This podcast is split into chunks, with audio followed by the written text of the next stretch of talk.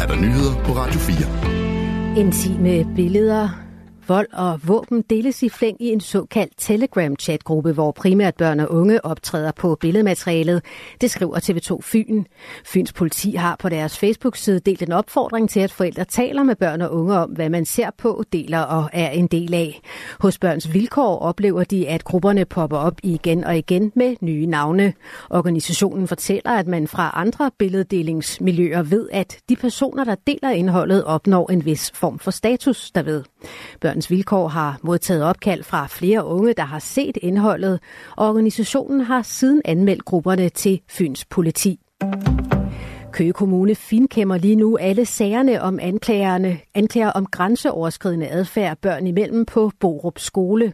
Det oplyser direktøren for børne- og uddannelsesforvaltning i kommunen, Henrik Læborgen, i en skriftlig kommentar til Ritzau.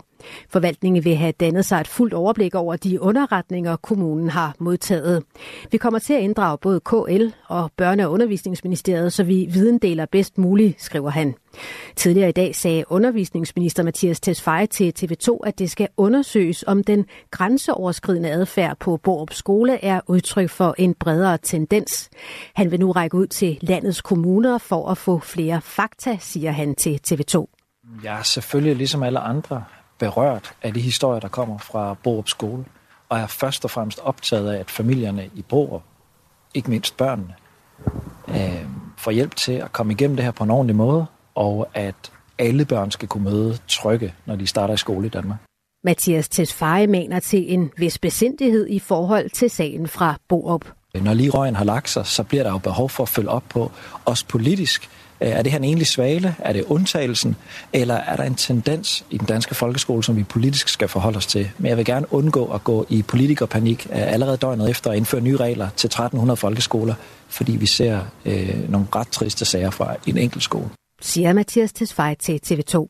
Det regionale medie SNDK og TV2 har berettet om vold og i nogle tilfælde grove seksuelle krænkelser, der involverer 3-6 børn i alderen 6-9 år på Borup Skole i Køge Kommune.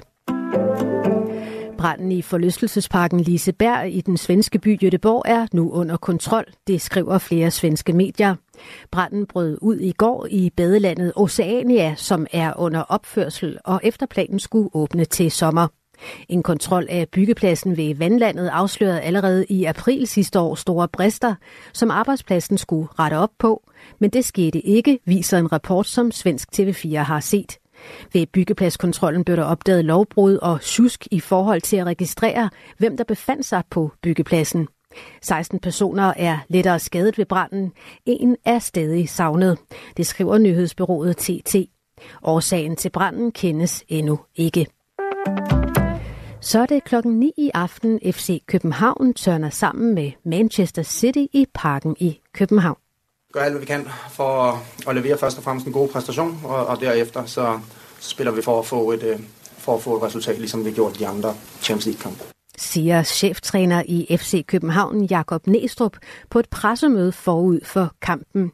Sidst de to klubber mødte hinanden, tabte københavnerne 0-5 på udebane, mens de fik et 0-0 resultat på hjemmebane. Det er anden gang i FC Københavns historie, at klubben står i en 8. dels finale i Champions League. Den danske rapper Gilly og hans manager anklager nu en anden dansk hitmager, nemlig Gobs, for plagiat. Det skriver politikken. Plagiatanklagen drejer sig om Gillis sang Skarpt Lys og Gobs sang Livet er kort. Begge sange er blandt de mest streamede. Gobs anerkender, at han godt kan høre, at sammenligningsgrundlaget på nogle af numrene er større end på andre numre, skriver politikken. Hans pladeselskab Warner Music har ikke ønsket at kommentere sagen. Bøns Klint er blevet lidt mindre natten til i dag. Et stort stykke af klinten er nemlig kollapset og faldet ned på stranden og i havet nedenfor. Det bekræfter Niels Natorp, der er direktør for Geocenter Møns Klint over for TV2 Øst. Hos Naturstyrelsen er de ved at undersøge skredet på Møn, også for at se, om det påvirker sikkerheden på stierne omkring stedet. Vejret i aften og i nat først skyde med regn, temperaturer mellem frysepunktet og 5 graders varme, svag til jævn vind fra syd og Vest. Det var nyhederne her på Radio 4 med Angela Brink. Tilbage til Aftenradiostudiet.